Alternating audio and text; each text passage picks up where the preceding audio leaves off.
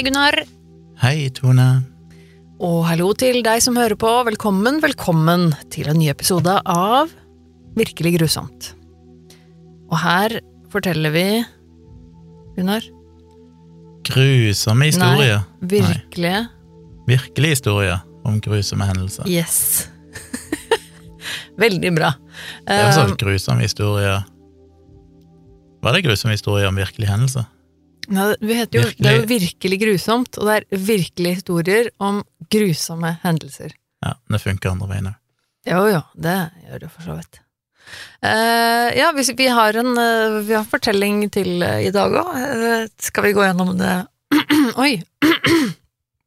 Oi sann. Gå gjennom det vanlige kjøret, eller med å Mailadressen virkeliggrusomt.gmail.com. Ja, altså Facebook-side Virkelig grusom podkast. Ja, Og så begynner vi.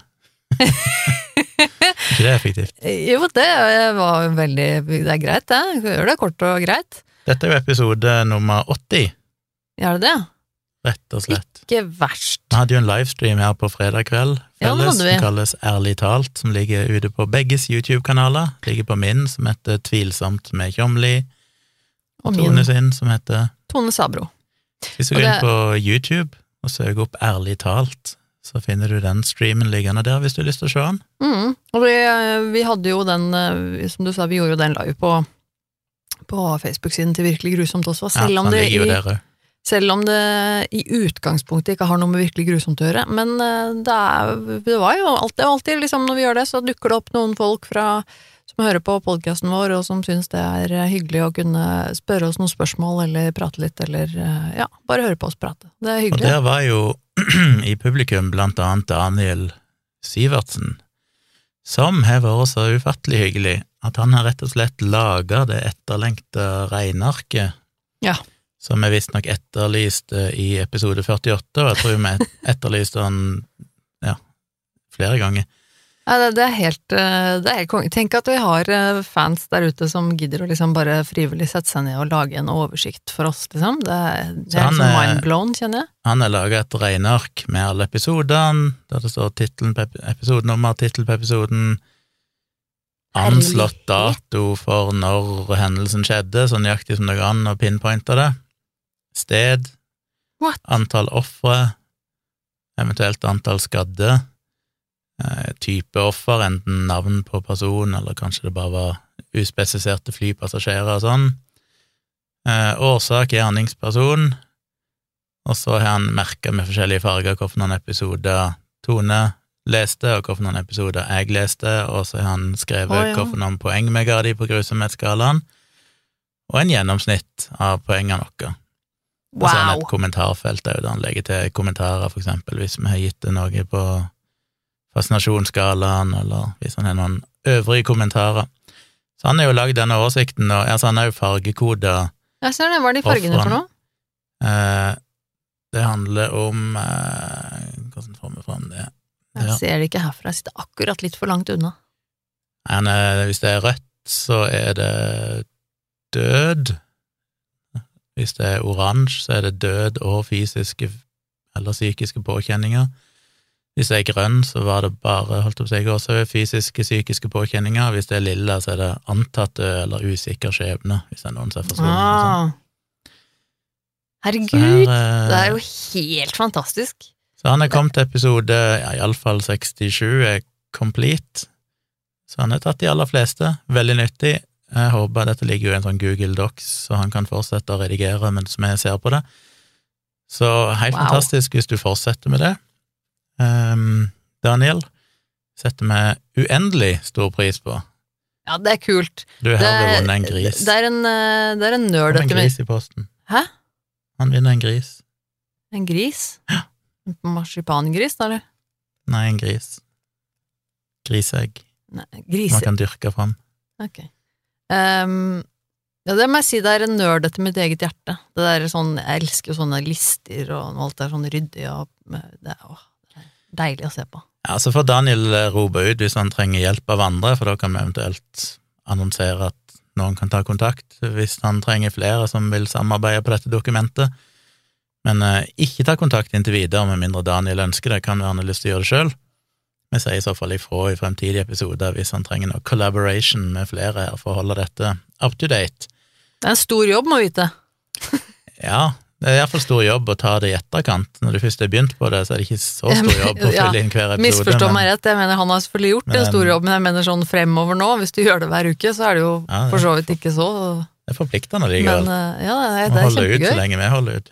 Jeg mener, jeg er ikke uta- utakknemlig, jeg mener ikke å høres utakknemlig ut. Jeg synes det er eh, litt uh, psyko og kult, egentlig, at noen har giddet å gjøre det. Bare sånn veldig kjapt når jeg ser på poengene, så er det bare to episoder som har fått ti. Mhm. Det er episode 15, dataingeniøren som myrdet sine egne barn.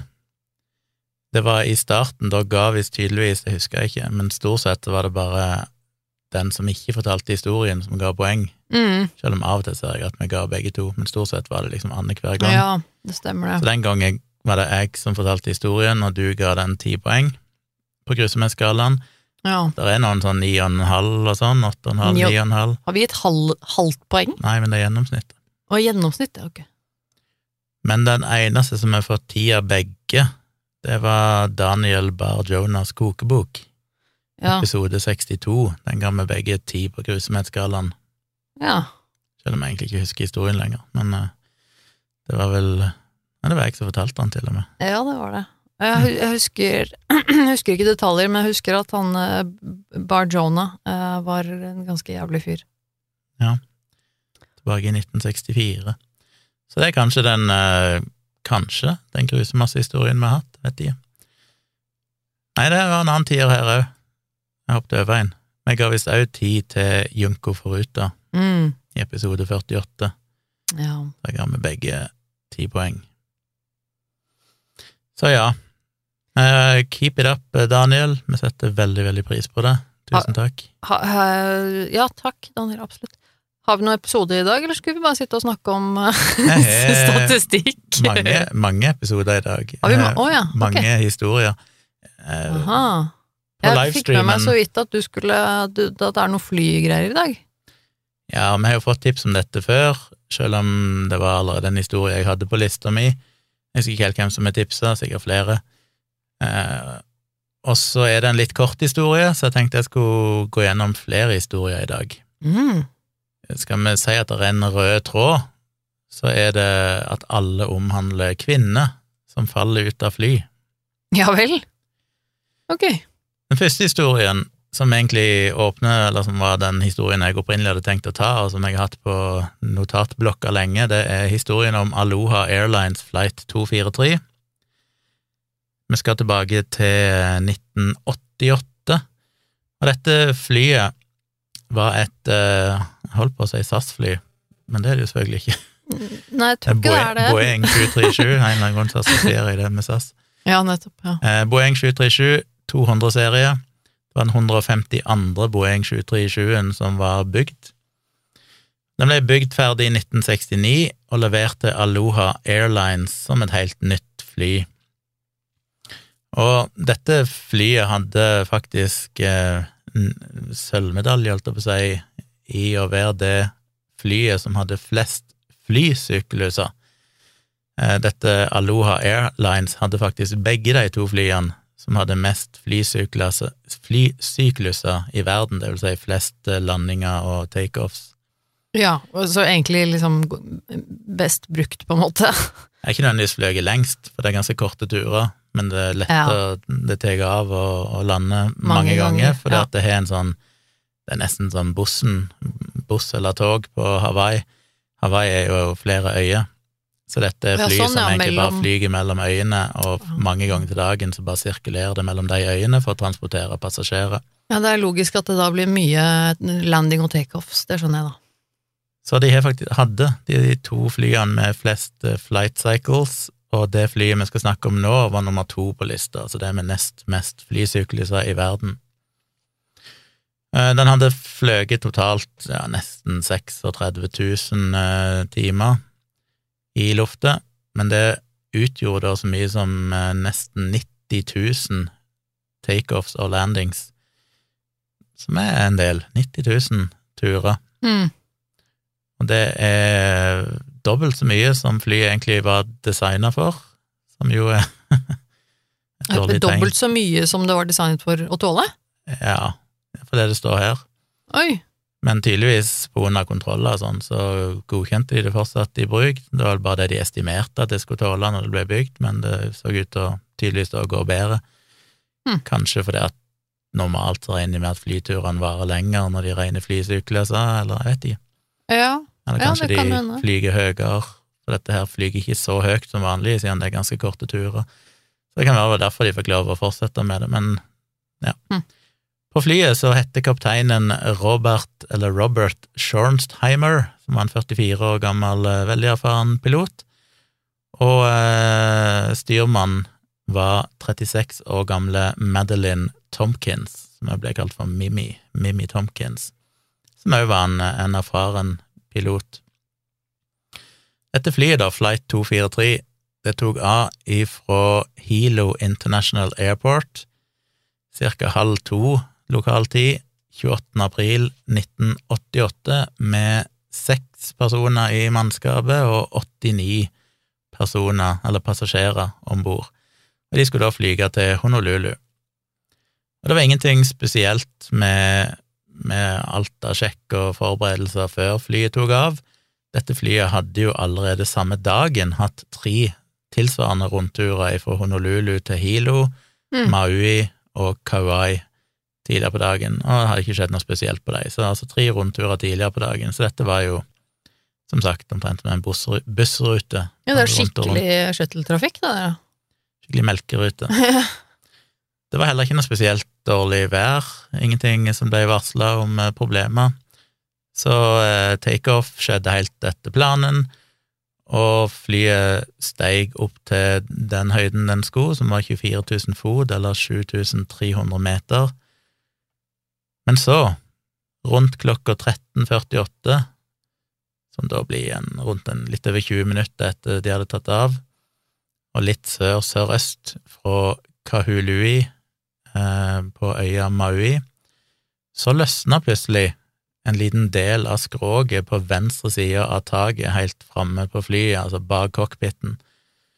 Um, og de hørte bare en, selvfølgelig en veldig sånn, det står litt eh, understatement her, de hørte en whooshing sound. Det vil jeg jo tro. Det vil jeg tro.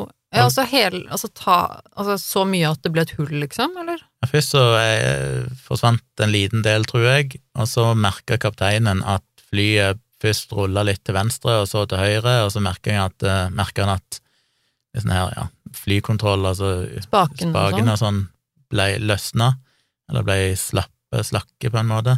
Aha. Og så så plutselig styrmannen at det var deler av noe sånn grå isolasj- grått isolasjonsmateriale som hun kunne se liksom svevde opp under taket.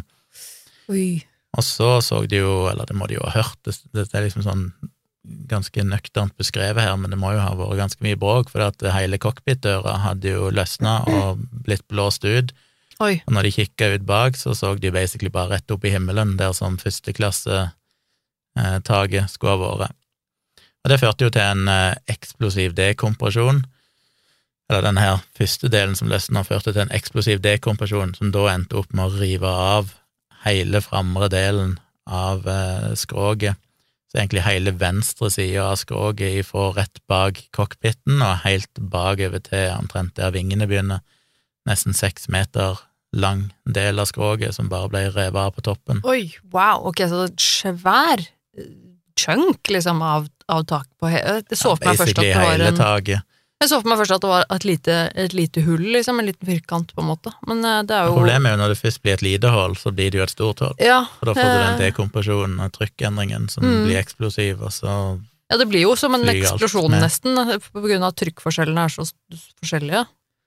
Så selvfølgelig kunne jo hele flyet ha, ha blitt ødelagt, men heldigvis så var flyet intakt, bortsett fra at taket mangla på fremre halvdel av flyet. Det er jo bilder her som er ganske fascinerende å se på. Ja, i all verden. Heldigvis så var jo passasjerene spent fast med, med setebelte. Det er da du husker at du er ganske glad for at du fester setebeltet ditt hver gang du sitter nede i setet. Det er jo en av grunnene til at jeg er jo heller aldri tar av meg setebeltet under flyturer, med mindre jeg skal på do eller et eller annet. Nei, det gjør ikke heller, altså. Fordi får du en enorm turbulens og sånn, det er jo mange skadetilfeller der det ikke er noe dramatisk med flyet, men de får såpass turbulens at folk Hopper ut av setet, liksom. Ja. og faller ut. Og... Så ha på setebelte, folkens. Det er en grunn til at de anbefaler det, selv om du teknisk sett er lov å ta det av i perioder. Men heldigvis hadde alle det på, så alle satt jo spent fast. Det var kun én person som døde, som var 58 år gamle flyvertinnen Clarabel Lansing, eller CB som de kalte henne, som ble sugd ut av flyet fordi hun sto omtrent ved femte raden, altså der, der det ikke lenger var noe tak, og ble sugd rett ut. Og hennes kropp ble aldri funnet. Eh, Den, den delen av taket som ble sugd av, er heller aldri senere funnet. Nei. Det skjedde jo utover havet, så Å ja, ja, nettopp, ja. Selvfølgelig. Hun var jo en eh, veldig, veldig erfaren eh, flyvertinne som hadde jobba 37 år eh, som flyvertinne. Totalt var det vel 65 mennesker som rapporterte at de hadde blitt skada, og åtte av de hadde alvorlige skader, uten at jeg helt vet hva det innebærer. Men som sagt, fordi alle var spent fast i setene sine, så var det kun hun ene flyvertinna som dessverre sto helt framme i flyet, som ble umiddelbart sugd ut og aldri funnet igjen. Herregud, tenk deg den opplevelsen, da. Å være en av de som sitter fastspent i setet da, hvor du på en måte bare hele Hele taket bare blir sugd ut, og da kanskje ser hun flyvertinna også, som bare forsvinner. Å, herregud, det må være så traumatiserende. Og enda mer traumatiserende er jo at de fortsatt fløy, og de skulle jo fortsatt til flyplassen når de skulle lande, og der sitter jo da en del seterader og basically bare sitter i friluften. Eh, men heldigvis er det jo rutiner for dette, selvfølgelig, sånn at eh, styrmann eh, Tomkins, altså hun Mimi, hun var den som fløy flyet på det tidspunktet da ulykka skjedde. Men kapteinen Schornsteimer han tok da over kontrollen og gjorde en sånn nød... Hva heter det? Nød... Ja, at de flyger nedover, da. At de senker høyden Mm. for å komme ned der det er mer oksygen, og så videre. Ja, for nå har jo ikke de som sitter i flyet noe trykk i kabinen Ja, så får lenger. du, mister du, får du et hull i skroget, så må du alltid ned Mm. for å få oksygen. Det er liksom det første du gjør, det er bare flyger ganske langt ned, sånn at du kommer til en eller annen høyde som jeg ikke husker hva er, men iallfall der det er trygt å puste, ja. igjen. Mm. De rapporterte jo selvfølgelig eh, Mayday til Kahului Airport og sa at de måtte nødlande der. På vei til flyplassen så feila òg venstre motor, jetmotor, Oi, sannsynligvis fordi at det hadde kommet eh, debris, holdt jeg på å si. ja, altså biter. Ja. skrog eller sånn, kommet inn i motoren. Mm. Og så klarte de ikke heller å, å sjekke, sikkert fordi det var revet kabler og sånn, så de visste ikke, de kunne ikke se om, eh, om hjulene framme egentlig hadde blitt senka som de skulle, men de Mm. måtte bare gamble på at de var det, de hadde ikke noe valg, de måtte jo lande. Ja. Men heldigvis så så det ut at eh, nesehjulet var ute, så de fikk landa helt normalt, 13 minutter etter denne ulykka skjedde.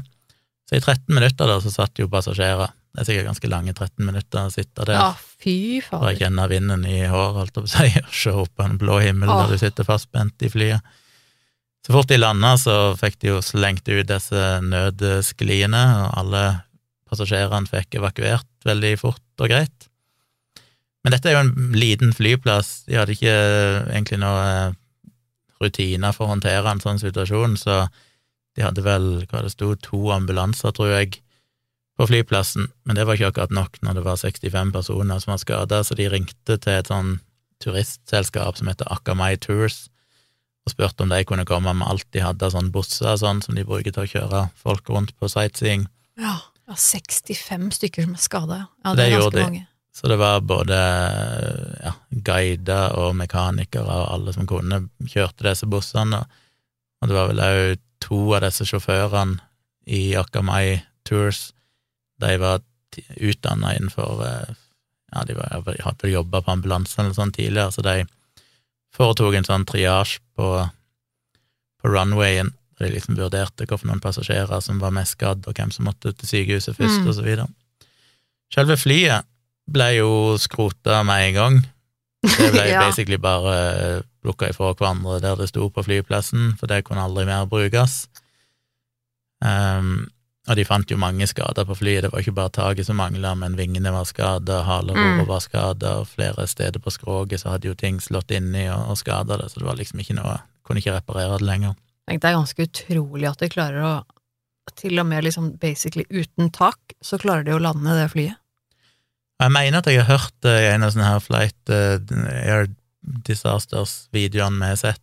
Det er ganske lenge siden, men jeg mener jeg har sett denne Eller jeg vet jeg har sett denne hendelsen, da. Ja. Men jeg mener jeg husker at de spilte av radiokommunikasjonen da. Oh, ja. Og jeg husker det var da vi nevnte tidligere i noen episoder, men da er det blant annet dette her jeg har tenkt på. Når hun Mimmi kontakter flyplassen, og det er liksom sånn, ok, halve taket er revet av flyet.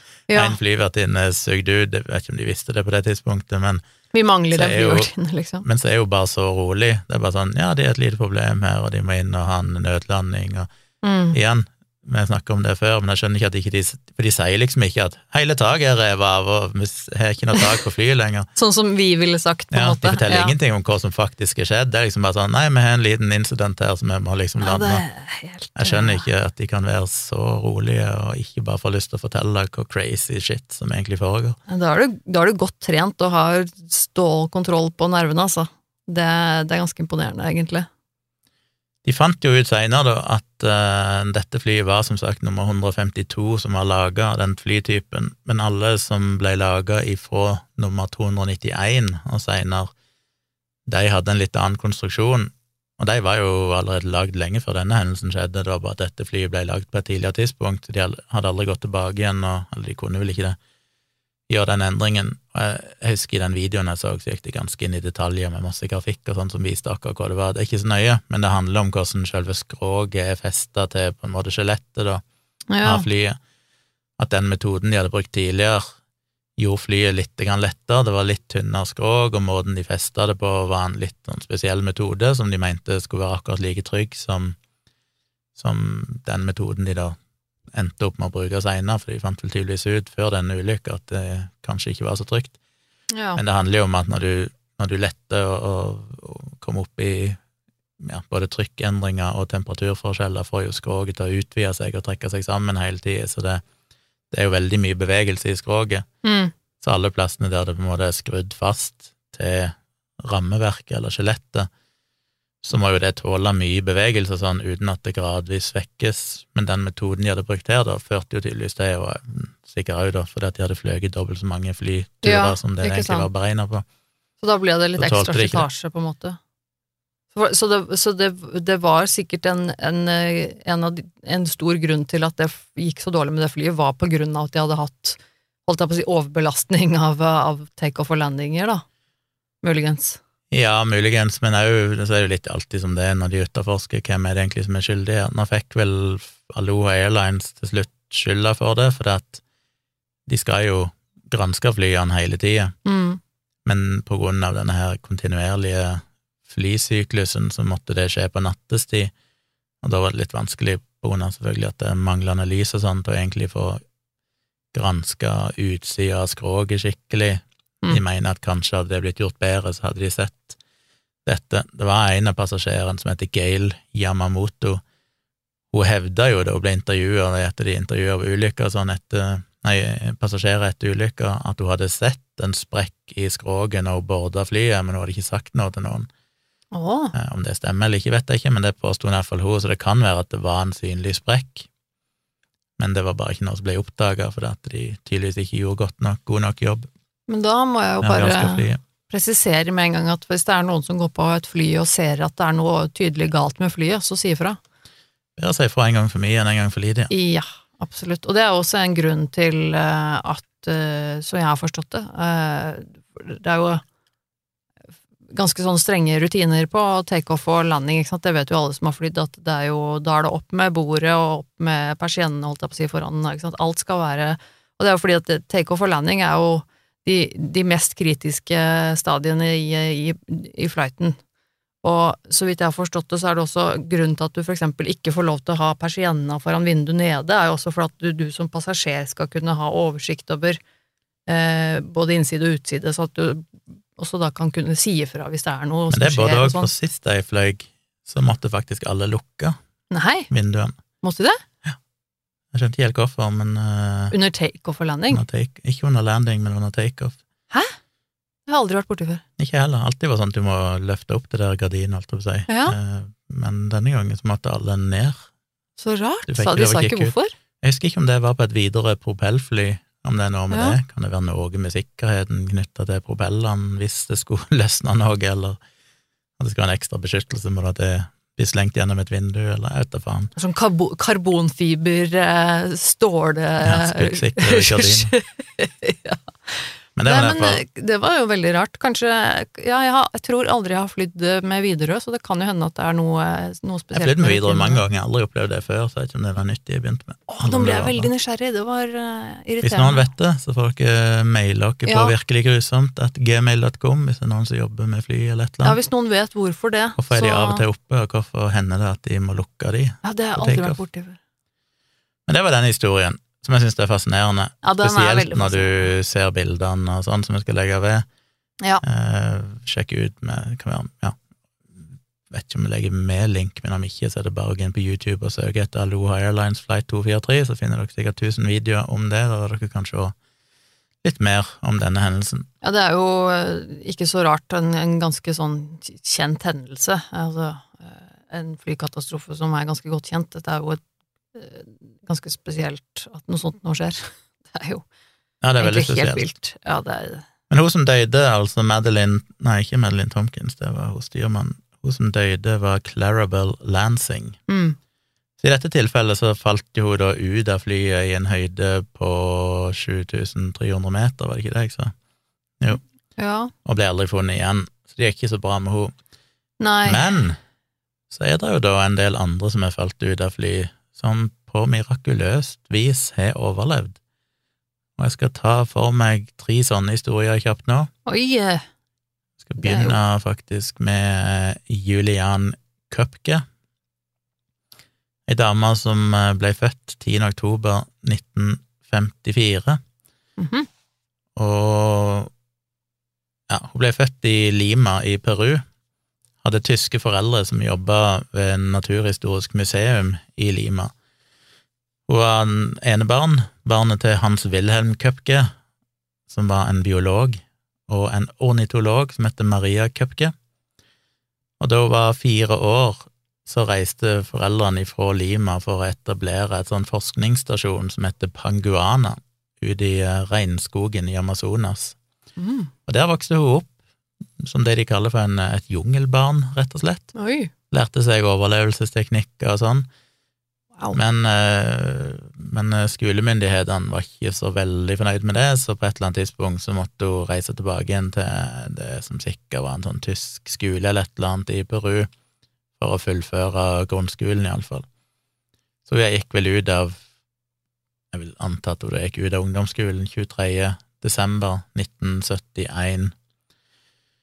På julaften 1971 så fløy Køpke på dette berømte, det som nå har blitt et berømt fly, som heter Lanza Flight 508. Hun skulle nemlig til å eh, fullføre videregående. Nei, det kan det ikke være. Graduate from high school 1971. Å ja, nei, det var tydeligvis videregående hun var ferdig med, da. Ja, ja. Mm. Videregående hun var ferdig med i 1971. Mm. Eh, Mora og Maria ville at de skulle reise tilbake igjen til Panguana for å feire jul og sånn, regner jeg med. Og de hadde egentlig tenkt at mora og hun dattera da, altså dattera er hun vi snakker om, eh, som heter Juliane, skulle reise tilbake enten 19. eller 20. desember 1971. Men så ønska jo Juliane å være med på en sånn eksamensfest, eller hva du skal kalle det, som skulle skje 23. desember i Lima. Så mora gikk med på å bli litt lenger, og så fikk de heller booka seg inn på et fly på selveste julaften. Men alle fly var fullbooka, bortsett fra ett fly ifra et flyselskap som heter Linias Areas Nationales SA, forkorta til Lanza. Mm. Faren Hans Wilhelm han var ikke så happy med det. Han sa liksom nei, helst ikke ta det flyet, for det flyselskapet har ikke spesielt godt rykte. Men de valgte nå uansett å booke seg inn på det flyet, sannsynligvis fordi at det var ikke noe annet som var ledig. Nei. På denne flyturen, da, på julaften, så ble flyet truffet av lyn, Oi. og rett og slett gikk i oppløsning uh, opp i lufta, og styrta til bakken. What? Juliane Køpke, som da altså var 16-17 år gammel, hun falt tre kilometer rett ned og landa i regnskogen i Peru, fortsatt eh, festa fast i setet hennes, og endte opp med å overleve det fallet. Hun eh, satt festa fast i det midterste setet, tror jeg, på en seterad med liksom tre, da, så alle de tre setene falt samla ned. Mhm. Eh, Og en lurer jo på hvordan kunne hun overleve et fall på 3000 meter, basically, rett ned i bakken. Men en regner jo med og spekulerer i at fordi det var en seterad med tre seter, så bremsa de til en viss grad fallet, Ja. pluss at hun òg falt ned i en regnskog, så hun kanskje ble bremsa litt av treet og sånn før hun traff bakken. ja, for jeg tenker jo at Jeg ser jo for meg det at altså en, en tre, treer med seter er jo det, det er jo ganske bredt. Og, da, når hun detter ned Jeg tenker jo at, hvis det er veldig, veldig tjukk vegetasjon på bakken, så vil jo det dempe fallet litt, selvfølgelig, før hun treffer bakken, da. Så ja. Vil jo dempe litt, men det føles som at ikke det burde bety det, så mye. Ja, nei, det er helt uh, utrolig. Hun endte opp med å kun brekke kragebeinet. Hæ? Det var eneste skaden hun fikk i fallet. Ja, det er i hvert fall sykt. Men dette er på en måte en dobbel overlevelseshistorie, for det for det første så overlevde hun fallet, som er mirakuløst nok, men i tillegg så var hun da plutselig alene midt i regnskogen i Peru. Ja. Var det ikke i Peru? Jo. Og der endte hun opp med å måtte gå i elleve dager og komme seg gjennom regnskogen for å overleve, men det klarte hun.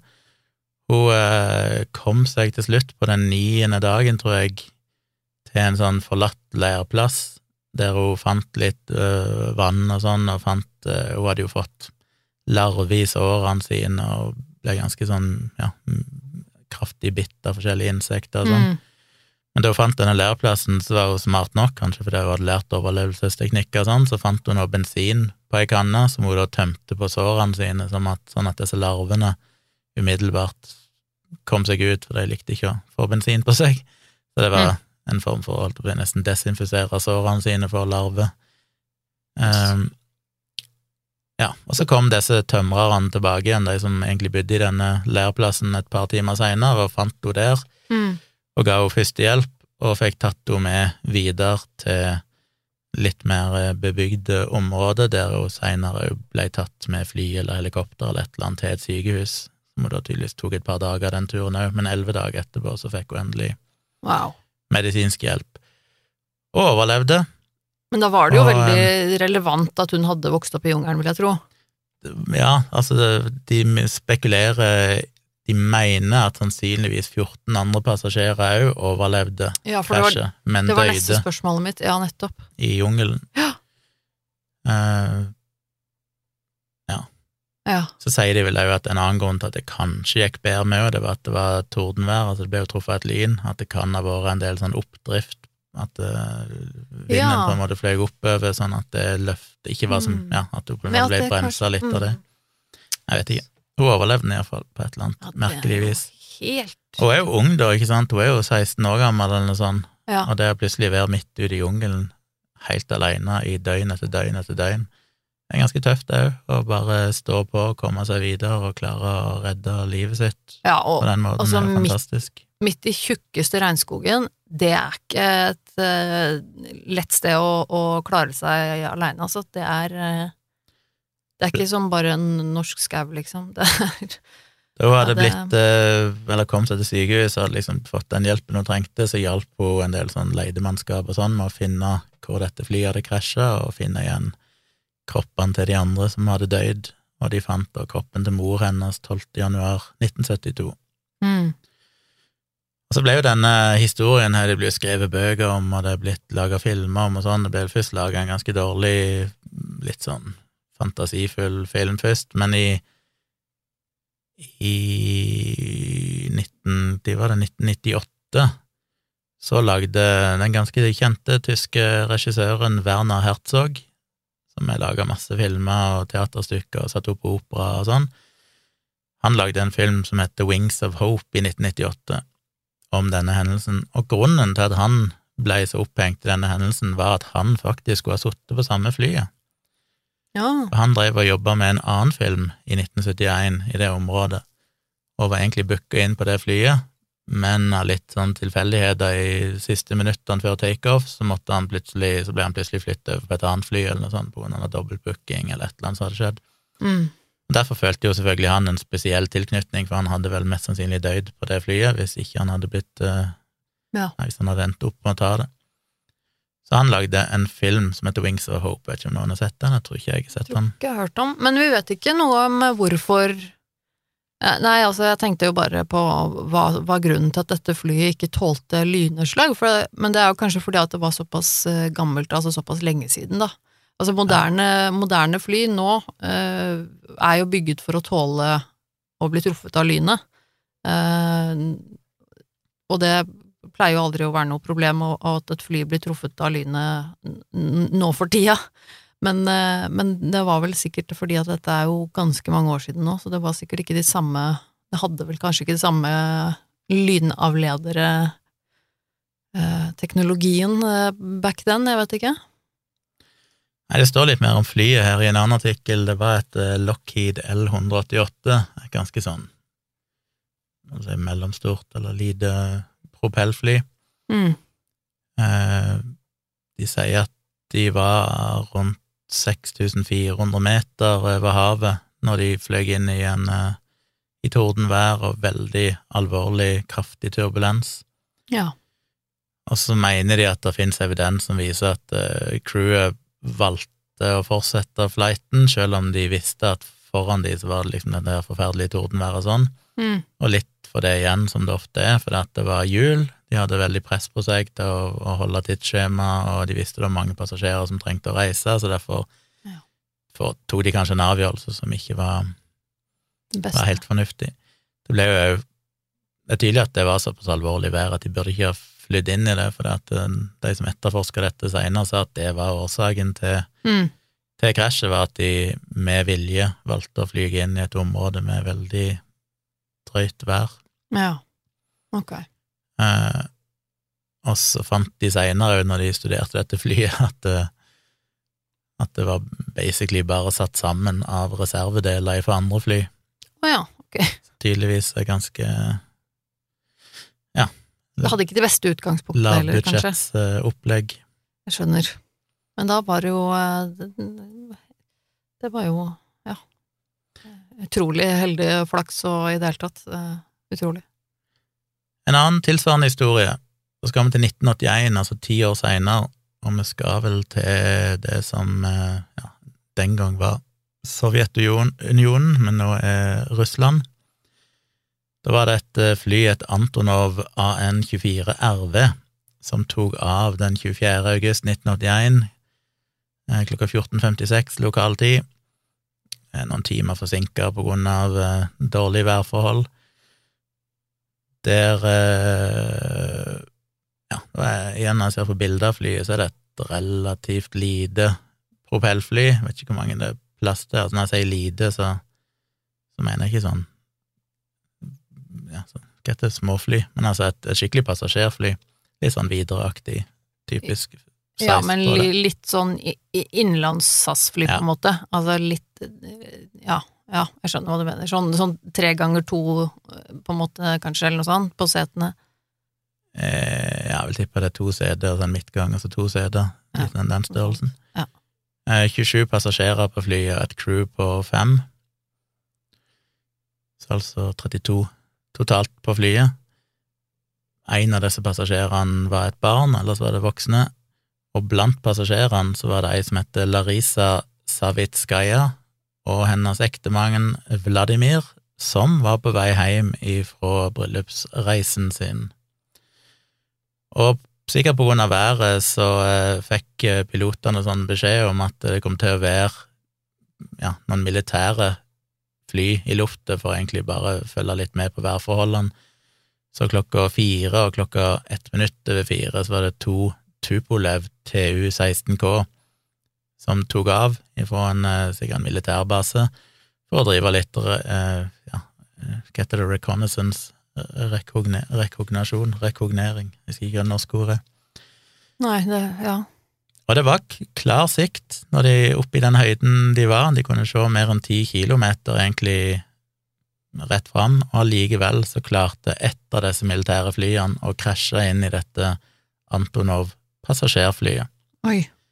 Larisa Savitskaja lå og sov når dette skjedde, og dette militærflyet flerra praktisk talt av hele taket på dette passasjerflyet og kutta egentlig begge vingene. Oi. Så temperaturen i flyet sank ifra 25 grader til minus 30 grader, ganske kjapt, nesten umiddelbart. Og begge flyene gikk mer eller mindre i oppløsning og falt ned på, i bakken. Og så var det noen som overlevde. Merkelig nok. Jesus. Merkelig nok så eh, endte Savitskaja, som var ved bevissthet, hun våkna når dette skjedde. Ja, hun Eh, våknet av det, ja. Kanskje ikke så overraskende. Og falt i åtte minutter, Åtte minutter! som jo er ganske kult, sikkert, på en måte. Jeg, jeg tror ikke det er så kult, jeg. For å være helt ærlig. Jeg har ikke lyst til å falle i åtte minutter.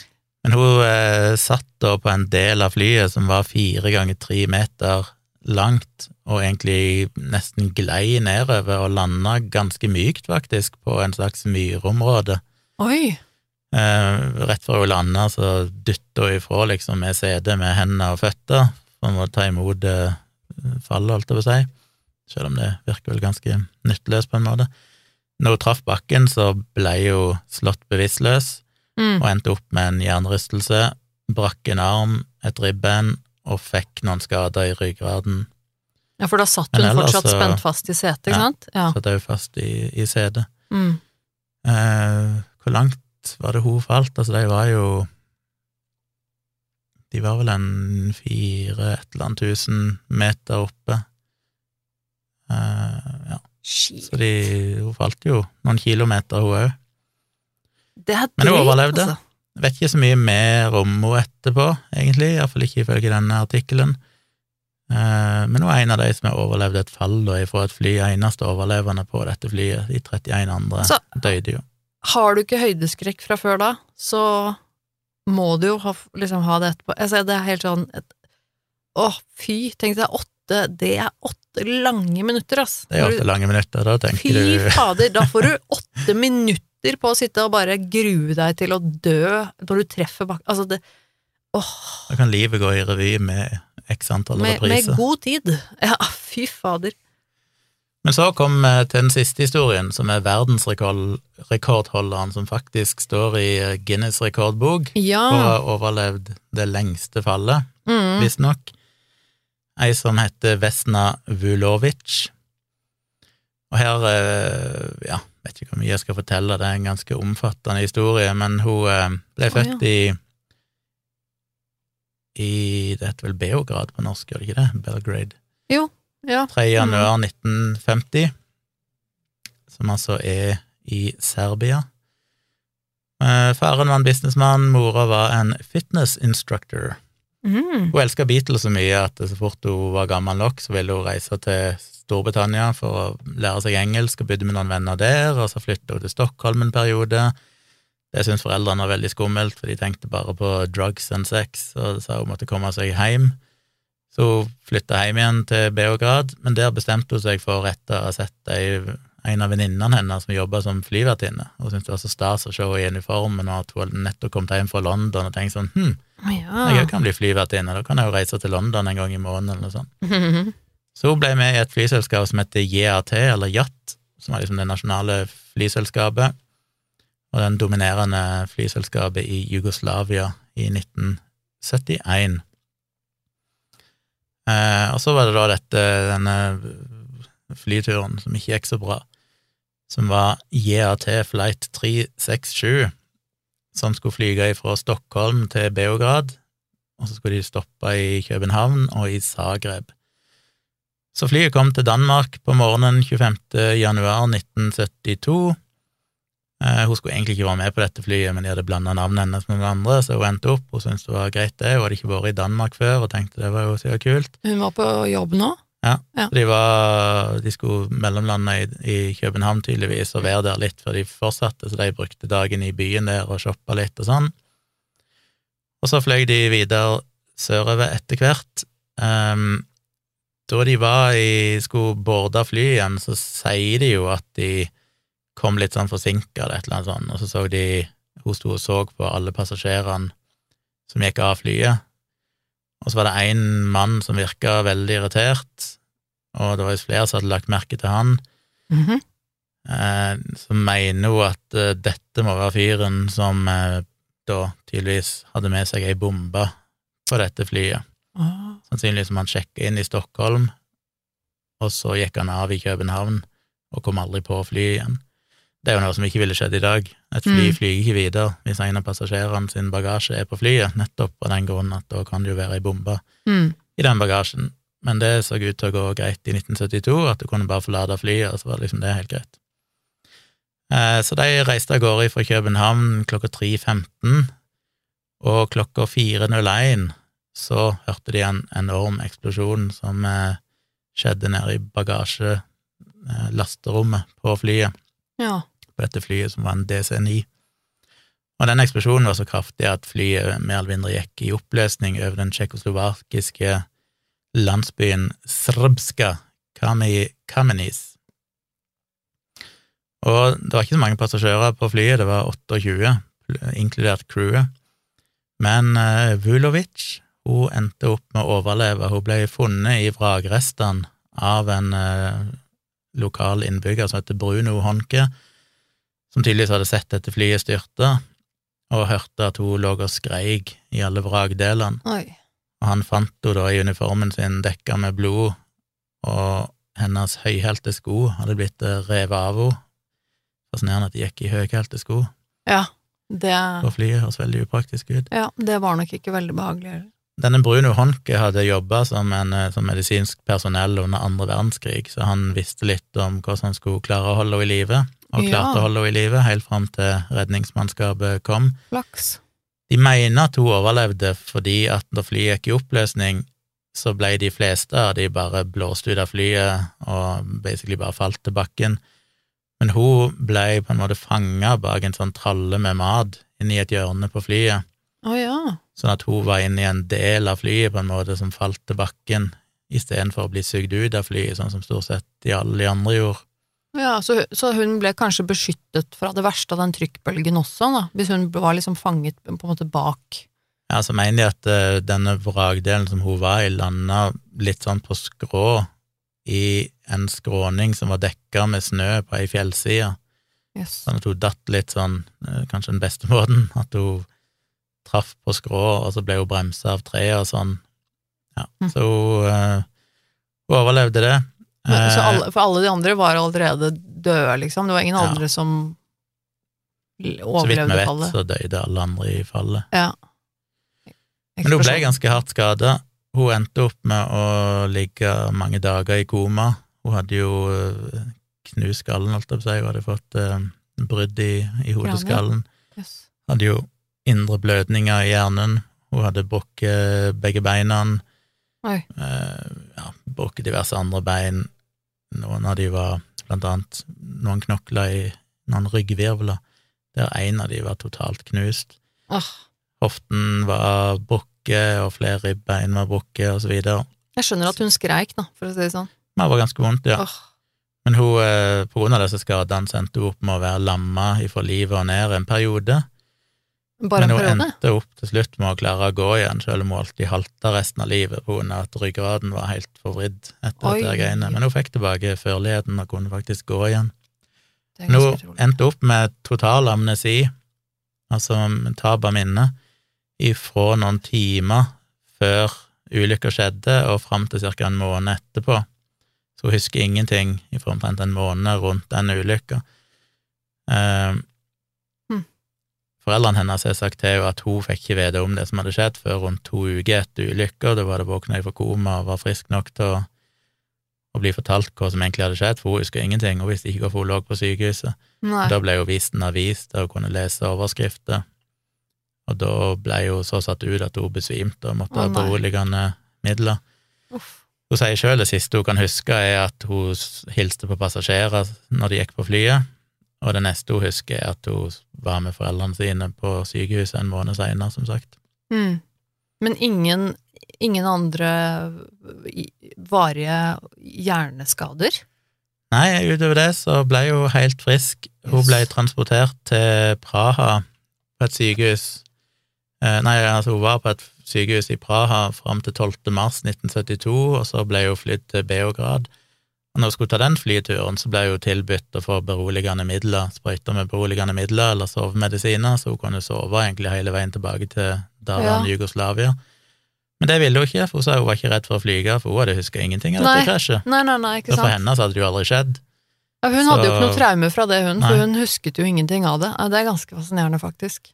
Det viser seg jo da at de mistenker at det var kroatiske nasjonalister som da hadde i perioden 1962 til 1982 så utførte de 128 forskjellige terroraksjoner mot sivile og militære mål i Jugoslavia, Mm. og de mistenker at det er de som sto bak denne bomba på flyet. Eh, Så det har vært litt diskusjoner rundt det. det ofte så vet en ikke, jeg vet ikke om de egentlig har klart å konkludere 100 sikkert hvem som sto bak det, men Mm. de mistenkte jo at hun kanskje var utsatt, at de kanskje ville prøve å drepe henne for ja, kanskje for at det var dårlig reklame for terrorangrepet at hun overlevde. Ja, Så du mener var- at etterkant? Ja, så da hun lå på oh, ja. sykehuset, så hadde hun vakter hele tida, Ah, og vakter ganske lenge, i sånn tre-fire måned, måneder yes. etter at hun uh, var utskrevet, hun, eller mens hun lå på sykehuset, før hun til slutt reiste til Montenegro for å så ta seg en liten ferie ved sjøen for å komme seg litt igjen, og da kom legene og besøkte henne rundt annenhver dag for å bare sjekke at det gikk bra med henne og sånn. Jeg mener hun fortjente en liten ferie da, altså. Hun måtte jo gjennomgå mange store operasjoner og sånn Mm. for å få tilbake førligheten, men som sagt, hun, eh, hun klarte det. Ja, det er Tog, eh, helt utrolig. Ti måneder eller noe sånt, så kunne hun gå igjen, men som sagt, halta resten av livet. Ja, men det, det er drøyt. Med så mye skader, å komme fra det så eh, så frisk etterpå. Det er jo helt utrolig. Hun ble jo veldig, veldig berømt etter denne hendelsen, og ble et slags nasjonalt ikon. Mm. Og jeg skal ikke ta for meg alt det, det står masse om det i- her, men hun, hun fikk masse priser og æresborgerskap og sånn i byer, ditten og datten. Ble jo veldig symbolsk både for Sovjetunionen og, og alt mulig. og endte jo som sagt opp da med å havne i, i Guinness rekordbok for å ha overlevd det høyeste fallet, som da ble målt til å være 10 160 meter, altså ei mil Nei, i fritt fall. Ja, Og så er det jo det, da, at teknisk sett så er det ikke så mye å si hvor langt du faller, for at når du er falt en viss lengde, så ender du opp på en, en hastighet som ikke blir noe høyere fordi du får såpass mye luftmotstand. Ja. Så vet ikke jeg helt Nei, hvor den der uh, balansen ligger hen, men om du faller for tre kilometer eller ti kilometer, så er det ikke sånn teknisk sett noe å si med tanke på hastighet og sånn. Det handler jo mer om kulde og oksygen. Og, og tida. Jeg sa åtte minutter, men det var Ja. vel forrige, forrige saken. Ja, så jeg vet Men- det står ikke hvor lenge hun har falt, men hun må vel ha falt ganske lenge, ja. Ja, det må jo ha vært veldig lenge. Den andre var vel kanskje 4000-5000 meter, og det var åtte minutter hun falt, men hun svevde jo på et sånt flagg av skroget. Svevde og svevde. Ja, men ja. det kan være at det gikk seinere at hun ble mye bremsa av det. Jeg vet ikke helt den der vrakdelen som hun her var fanga fast i, Nei, det er ikke så hvor stor den var, hvordan luftmotstanden og sånn var der, men Det er nesten umulig å vite, for den, den ble jo sikkert veldig knust og når den traff bakken og sånn. Det er jo nesten, det er sikkert ikke mulig å finne ut av. Hun ble jo veldig politisk aktiv seinere, kjempa imot eh, Milosevic og sosialistpartiet i Serbia og sånn, og var en Ja. masse greier. Så hun, hun var liksom en veldig betydelig person som eh, ble lagt merke til. Ja. Seinere så sleit hun veldig med sånn eh, overlevelsesskyldfølelse, og følte at det var urettferdig at hun overlevde, og syntes det var Begynte ofte å grine og sånn, og tenkte det var fælt at alle de andre døde og sånn, og endte opp med å bli veldig religiøs til slutt. Mm. Så kom det jo noen journalister i 2009, altså veldig mye seinere, nesten 40 år seinere, som kom med noen påstander om at dette var et fly som nok egentlig ble skutt ned av tsjekkoslovakiske eh, militære Å i en høyde av bare 800 meter. Ok. Og så mener de at eh, Tsjekkoslovakia hadde diktet opp dette her med at du hadde datt fra 10 000 meter og sånn, at det var ei bombe eller hva det var for noe, fordi de ville dekke over denne tabben eller denne hendelsen, og et eller annet sånt. Og det var litt diskusjoner rundt det.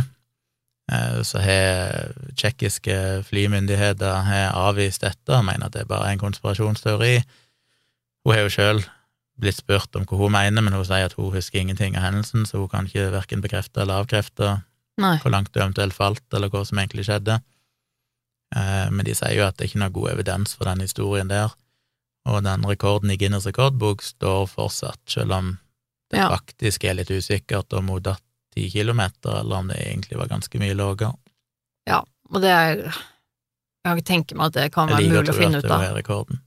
Ja, ja, og det kan jo godt hende hun har det, selv om det ikke er nøyaktig en Altså Det var jo uansett eh, sannsynligvis veldig høyt. Jeg vet ikke hvem er som er nummer to på lista, liksom, så jeg, jeg, tipper hun eh, Hun vinner vel den rekorden uansett, kanskje. Om det var 10 000 eller ikke. Hun hadde jo litt eh, trist endelikt, altså hun ble jo veldig lei til slutt av å fortelle om denne historien, så hun ble jo invitert av både Oprah Winfrey og BBC og sånn, men hun takka nei Mm. etter hvert, fordi at det var sånn, nei, nå var hun lei av å snakke om Ja, det om dette. jeg. Hun ble ganske mye dårligere etter hun kom i 60-årene, og i desember 2016 så var det en del venner som begynte å bli bekymra for hva som gikk med henne, for hun slutta å ta telefonen, og 23. desember så måtte de få tak på politiet og låsesmed og bryte seg inn i leiligheten, og der fant de henne da død. Oi. Så hun ble begravd i Beograd 27. desember 2016. Det var en naturlig død, men eh, Men døde Døde alene, tydeligvis, i en leilighet. Ja. Hun var gift med en fyr, men han uh, ditcha henne fordi hun kjederøyka så mye. Han, ja. han orka ikke den kjederøykinga hennes. Så, Nei, ok. Ja ja. så det var fire historier med fire kvinner som falt ut av fly. Tre Ja. av de overlevde, mirakuløst nok, og er blant rekordene. Der er jo andre historier òg, med folk som er falt ut av fly, blant annet Nicolas Alkemad, en britisk bomber, nei, bomber tail gunner, som satt bak en sånn bombefly og skjøt med maskingevær eller et eller annet, som falt i 1944, sikkert under andre verdenskrig, Men nå, nå, nå ødela du på en måte hele Nå skulle jeg til å si sånn yeah, girl power. Ja. Og så ødela du. Gjorde det.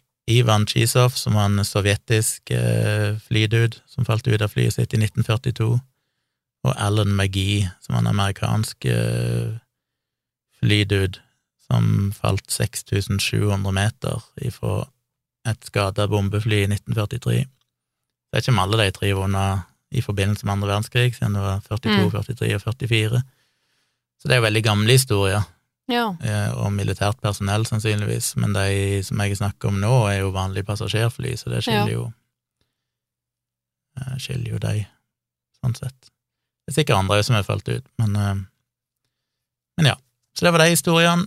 Jeg tror jo det blir vanskelig å rangere det på en grusomhetsskala, men ja, det er jo ikke så lett, eh, men vi må jo selvfølgelig gjøre et forsøk. Eh, jeg tenker jo at vi får bare se Ta liksom de sakene under ett, på en måte.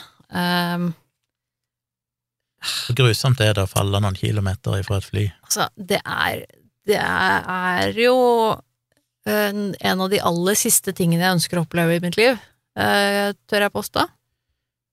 Ja, Det men heller høres det enn å ikke overleve. Helt for jævlig Men jeg er nesten Men hun, hun siste var jo Det var egentlig litt sånn hell i uhell for hennes del, tenker jeg, at hun ikke husker noe av det. For det tror jeg nesten er like greit, altså, for det, det tror jeg ikke er noe du har lyst til å huske etterpå. Ja, kanskje. Jeg vet ikke. Jeg synes at det var litt kjipt hvis jeg hadde falt i flere minutter, som jo må være en veldig spesiell opplevelse, uansett hvor fryktinngytende det er, og så bare ikke huske det, ikke vite at det skjedde en gang. Det måtte jo være litt nedtur, tenker jeg. Men det er klart, du unngår kanskje noen traumer.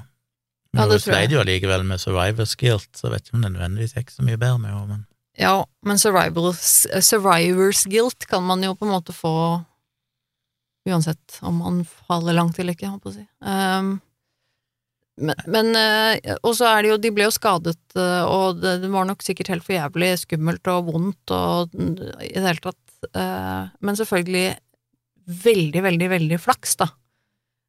samtidig. Det var jo et ekstremt hell i uhell å overleve noe sånt noe. Um, Som er litt rart, at alle disse historiene er jo Den seneste historien her er jo fra 1970 Nei, den russiske, det var i 1981, så det er den nyeste av de. Men jeg vet ikke om det har skjedd noen siden da. Så i den perioden der, i de tiårene der, fra andre verdenskrig og 70-tallet, så var det jo enkelte sånne historier. mm, Men så har det jo gått 50 år, der, eller 40 år, da det meg bekjent ikke har vært noen sånne tilfeller, så det betyr kanskje at fly i mindre grad går i oppløsning i himmelen nå. Hvis de først styrter, så styrter de i større grad hele, fordi de er bedre bygd. Ja, men det vil jeg nok tro. Jeg tror jo definitivt at eh, teknologien eh, i eh, aviation, flyteknologi, er blitt veldig mye bedre også på, på såpass mange år. Jeg vil jo Altså, tro jeg vet jo at det er historier i nyere tid òg der flyet har gått i oppløsning, spesielt hvis de blir truffet av bombe eller raketter og sånn, men det er jo jo. ingen som har overlevd, så det er kanskje bare Men, eh, men jeg vil, altså det, er, det er jo selvfølgelig grusomme historier, dette her, uansett. At det er jo det er jo snakk om fly som styrter, og, og om veldig mange mennesker som dør, da. Mm. Eh, nå har vi jo ikke konsentrert oss så veldig mye om, om skjebnene til noen andre enn disse enkeltpersonene, men jeg vil jo tro at de andre menneskene her, de Ja, det, det er jo skjebner, det òg, som er veldig tragiske. Um, Ja, det gikk jo best med hun Juliane Kopke, som ja, jo faktisk kunne basically bare reise seg opp og gå etter å ha falt tre kilometer. De to andre var jo hardt skada, da. jeg aner virkelig ikke hvor jeg skal arrangere det her. Synes var, den syns jeg var vanskelig. Nei, det er jo veldig mange dødsfall totalt sett, Ja, det er men det. hvis vi, vi må nesten se litt vekk ifra de, siden det ikke er de det handler om. Eh, hvor grusomt er det for de som overlevde Ja, har gjennomgått det? fem, Jeg vil si den Ja, seks. Jeg føler det er lavere. Jeg føler Hæ, med sånn tre, kanskje. Jeg føler på én måte det må være verst for de på Aloha Airlines, som i 13 minutter fløy Uten tak. uten tak, da de så at en ble sugd ut, sannsynligvis. Ja, og alle rundt deg sitter og skriker og er livredde Ja. for å dø, og du, du, du er sikker på at du kommer til å dø i ja, men, altså Hun som ja, bare jo- faller i åtte minutter, og hun andre siste Hun var jo kanskje bevisstløs når hun falt, men Der ble jo veldig mange på flyet, 65 personer ble skada, åtte ble hardt skada. Nei, Nei. jeg, Nei, det er vanskelig å si. Jeg jeg, Jeg tror fortsatt at jeg ikke gir det mer enn ti.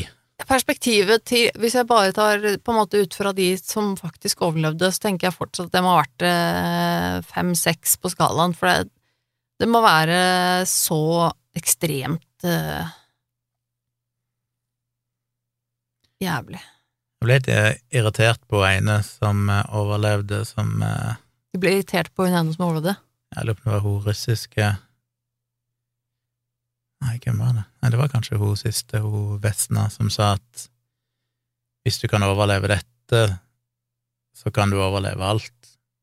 Som liksom ga henne en sånn selvtillit i livet. Men det er litt sånn Å ja. De aller fleste døde jo. Det er ikke sånn at du stort sett overlever.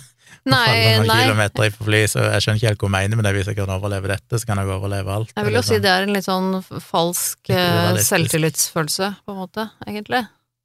Men uh, jeg, vil- jeg hadde nok Jeg tror hvis det hadde vært meg, så hadde jeg nok heller vært redd for å Gått og vært, vært veldig paranoid for å ha brukt opp all flaksen min i livet. Det sto at hun på grunn av det så ble hun en optimist etter hvert. Ja. Nettopp fordi hun sa hvis hun kan overleve det hun overlevde, så kan du overleve alt. Det gjorde at hun ble optimist og tenkte at da er det bare å kjøre på. Det kan jo være det var positivt, i forstand at hun ble veldig politisk aktiv og med i en revolusjon, holdt jeg på å si, for å styrte jo si en at det, diktator. Og, det er jo absolutt en, den beste måten å ta det på. I motsetning til meg som ville tenkt omvendt og gått rundt og vært redd resten av livet og tenkt at nå kan jeg aldri overleve noe igjen, for jeg har brukt opp all flaksen. Ja, brukt opp all flaksen som fins i hele verden i livet mitt. Det har jeg brukt opp nå. Uh, så uh, Nei, men eh, ah, Nei, ganske utrolig, altså. Nei, jeg syns ikke de er så grusomme, så jeg gir de bare tre, jeg. Du gir de fem. Jeg Ja, er Jeg er fornøyd med det. Ja. Da vet vi at uh, Daniel kommer til å gi fire i snitt, så i regnskapet vårt, holdt jeg på å si. Men vi vil gjerne høre hva dere syns, folkens. Eh, Vi legger ut en post på Facebook i løpet av eh, mandagen med litt bilder og sånn, så dere kan få se hvordan disse flyene så ut, og disse damene og litt sånne ting, og, og lenker til de som vil lese litt eh, mer om disse her eh, sakene. Eh, og gjerne også kult om dere gidder å kommentere der, da. Hva dere tenker, og hva, eh, hva, hvor dere rater det på grusomhetsskalaen, og ikke minst Jeg er fortsatt veldig nysgjerrig på hvorfor Widerøe sa at du skulle lukke vinduene, holdt jeg på å si, på den ene takeoffen på den flighten. Altså, det, jeg kommer ikke helt forbi det. Jeg skjønner ikke det. Eh, hvis Det det var en som propell som ikke virka helt, og så ville de bare ikke at noen skulle merke det. De bare, jeg blir. Håper ikke noen ser det. Ja, ja. Uh, Nei, men ja. ja. eh, ja.